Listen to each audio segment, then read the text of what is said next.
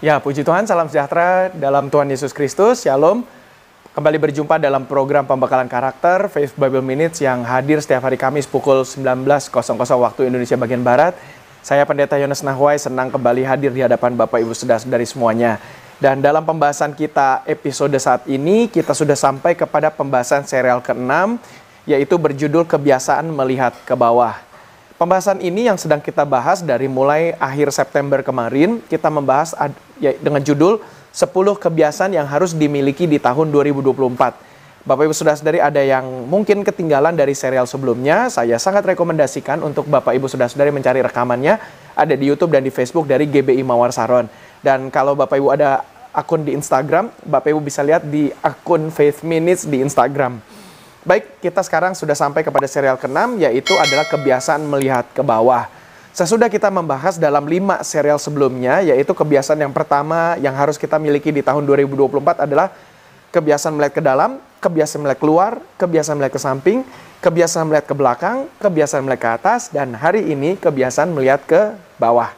Apa yang dimaksudkan dengan kebiasaan melihat ke bawah? Kebiasaan melihat ke bawah ini adalah melihat kekurangan dan ketidakberuntungan orang lain dan pembahasan ini saya rasa ini akan sangat menolong Bapak Ibu Saudara-saudari semua dan juga menolong saya agar kita bisa melihat kekurangan dan ketidakberuntungan dari orang lain. Kenapa seperti ini? Karena ada tiga alasan. Kenapa kita perlu melihat ke bawah? Yaitu kalau kita merasa kita di atas, kita melihat lebih unggul daripada orang lain, lebih beruntung daripada orang lain, maka sangat baik untuk kita bisa melihat ketidakberuntungan dan sekaligus kekurangan dari orang lain. Maka alasan yang pertama adalah kebiasaan melihat ke bawah adalah untuk belajar bersyukur. Kenapa kita perlu belajar bersyukur? Karena bersyukur adalah salah satu kunci keberhasilan. Kalau kita selalu mengeluh, selalu marah dengan keadaan, selalu komplain dengan situasi yang terjadi, maka ini akan merugikan diri kita sendiri. Sebaliknya, kalau kita selalu bersyukur atas apa pun yang terjadi dalam hidup ini, kita bisa bersuka cita, dan dengan kita bersuka cita ini, kita akan bisa kuat dalam menghadapi berbagai macam tantangan. Dan ini adalah salah satu kunci keberhasilan. Kalau kita ingin terus bisa melangkah maju dengan menghadapi berbagai macam situasi dan keadaan, maka tidak ada pilihan kita harus bisa bersyukur dalam segala situasi. Maka ini adalah salah satu kunci keberhasilan.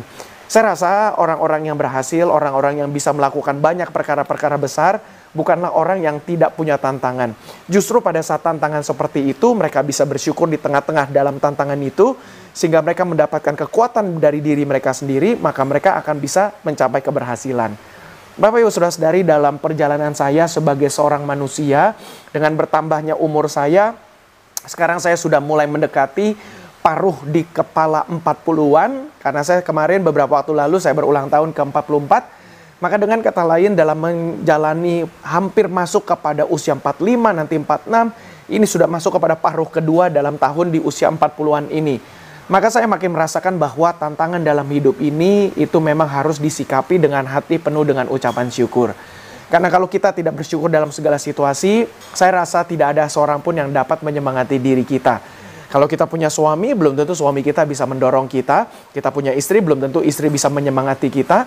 Kita punya anak-anak, kita punya orang tua, belum tentu juga mereka bisa memberikan dorongan kekuatan kepada kita. Maka itu kita sendirilah yang harus bisa menyemangati diri kita sendiri.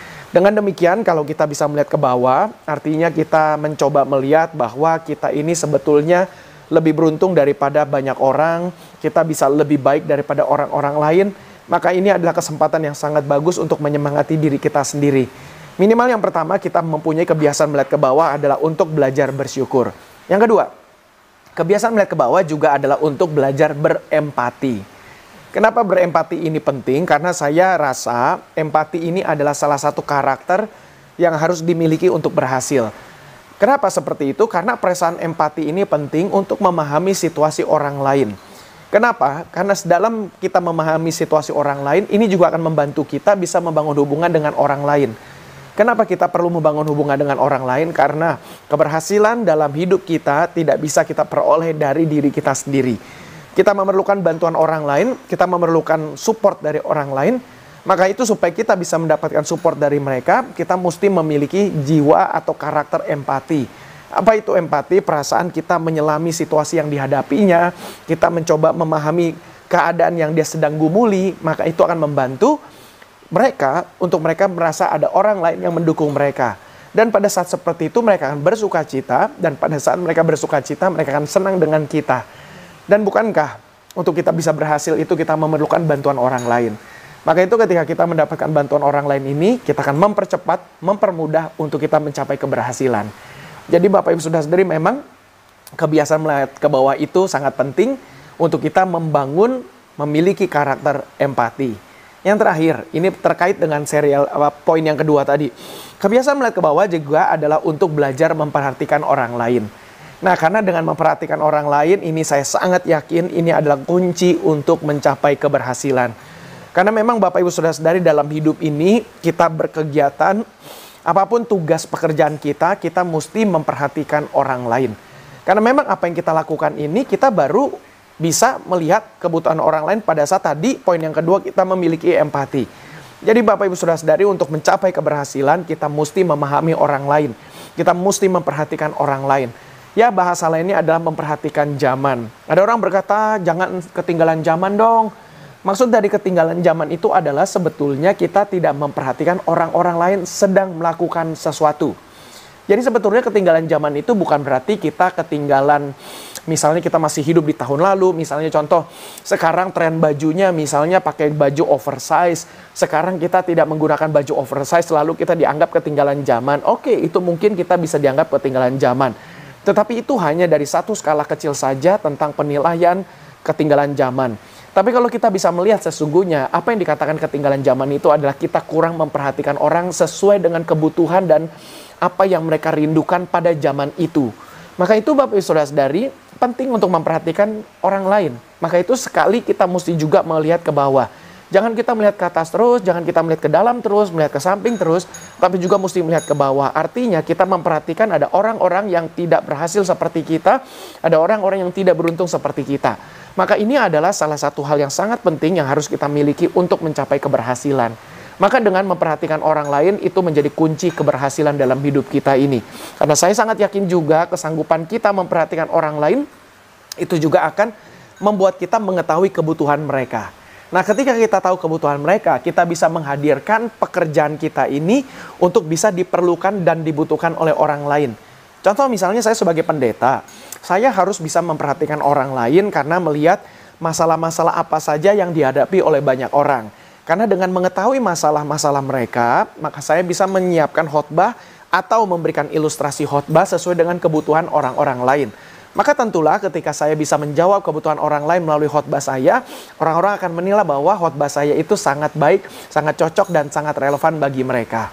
Maka inilah salah satu rahasia kenapa kita bisa menghadirkan atau memberikan jawaban kepada orang lain karena kita memperhatikan kebutuhan mereka. Nah, sama juga seperti kita dalam kita berdagang, contoh kita jualan pakaian.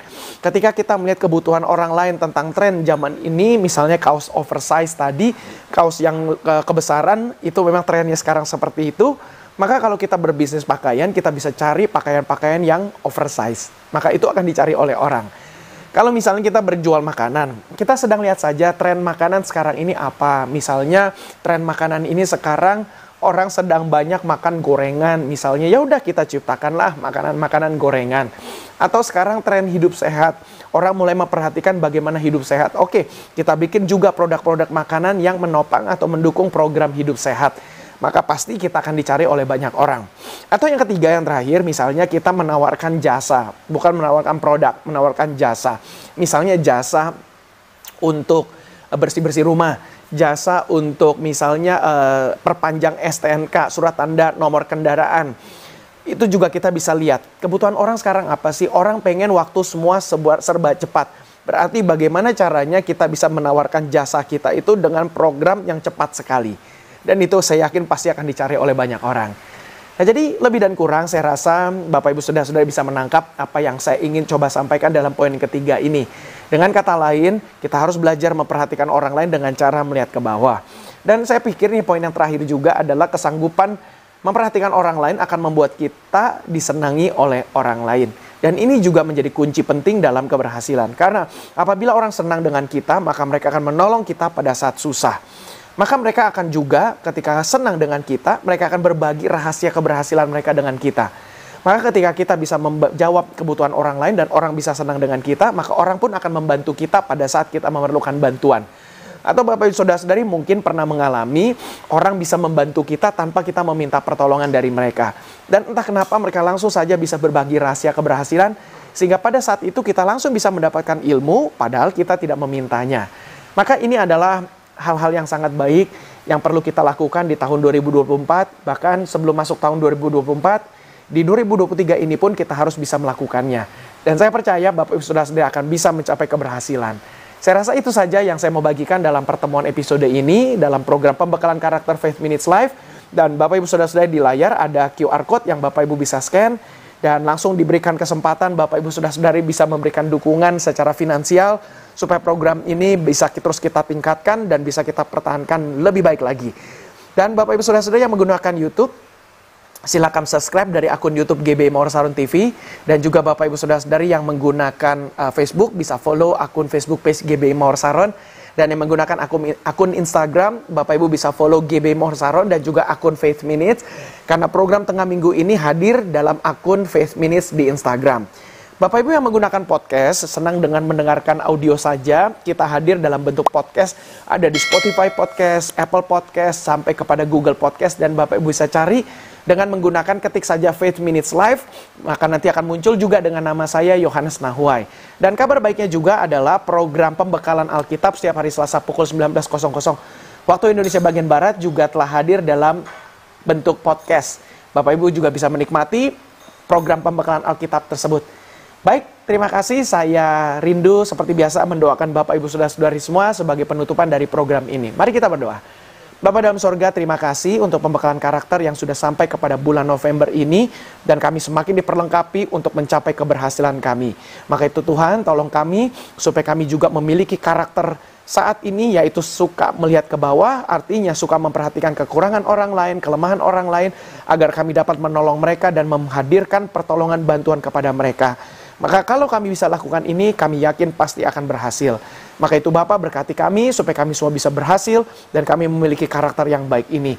Terpujilah namamu Tuhan, kami yang punya pergumulan hidup Tuhan tolong, kami yang sakit Tuhan sembuhkan dalam nama Tuhan Yesus. Terima kasih Bapak, Tuhan memberkati gereja kami GB Mall Sarun Jakarta dan cabang-cabang Tuhan memberkati. Terima kasih Tuhan, inilah doa kami sekaligus kami menutup pertemuan ini hanya di dalam nama Tuhan Yesus Kristus kami berdoa dan mengucap syukur. Haleluya. Amin. Baik puji Tuhan, terima kasih Bapak Ibu Saudara-saudari semua. Sekian sudah pembekalan karakter kita dalam program Faith Minutes Live episode ini. Kita akan jumpa dalam program minggu depan. Kita akan makin semakin diperlengkapi oleh firman Tuhan. Tentunya itu yang menjadi panduan kita dan kita semakin maju di dalam Tuhan. Terima kasih, sampai jumpa. Tuhan Yesus memberkati.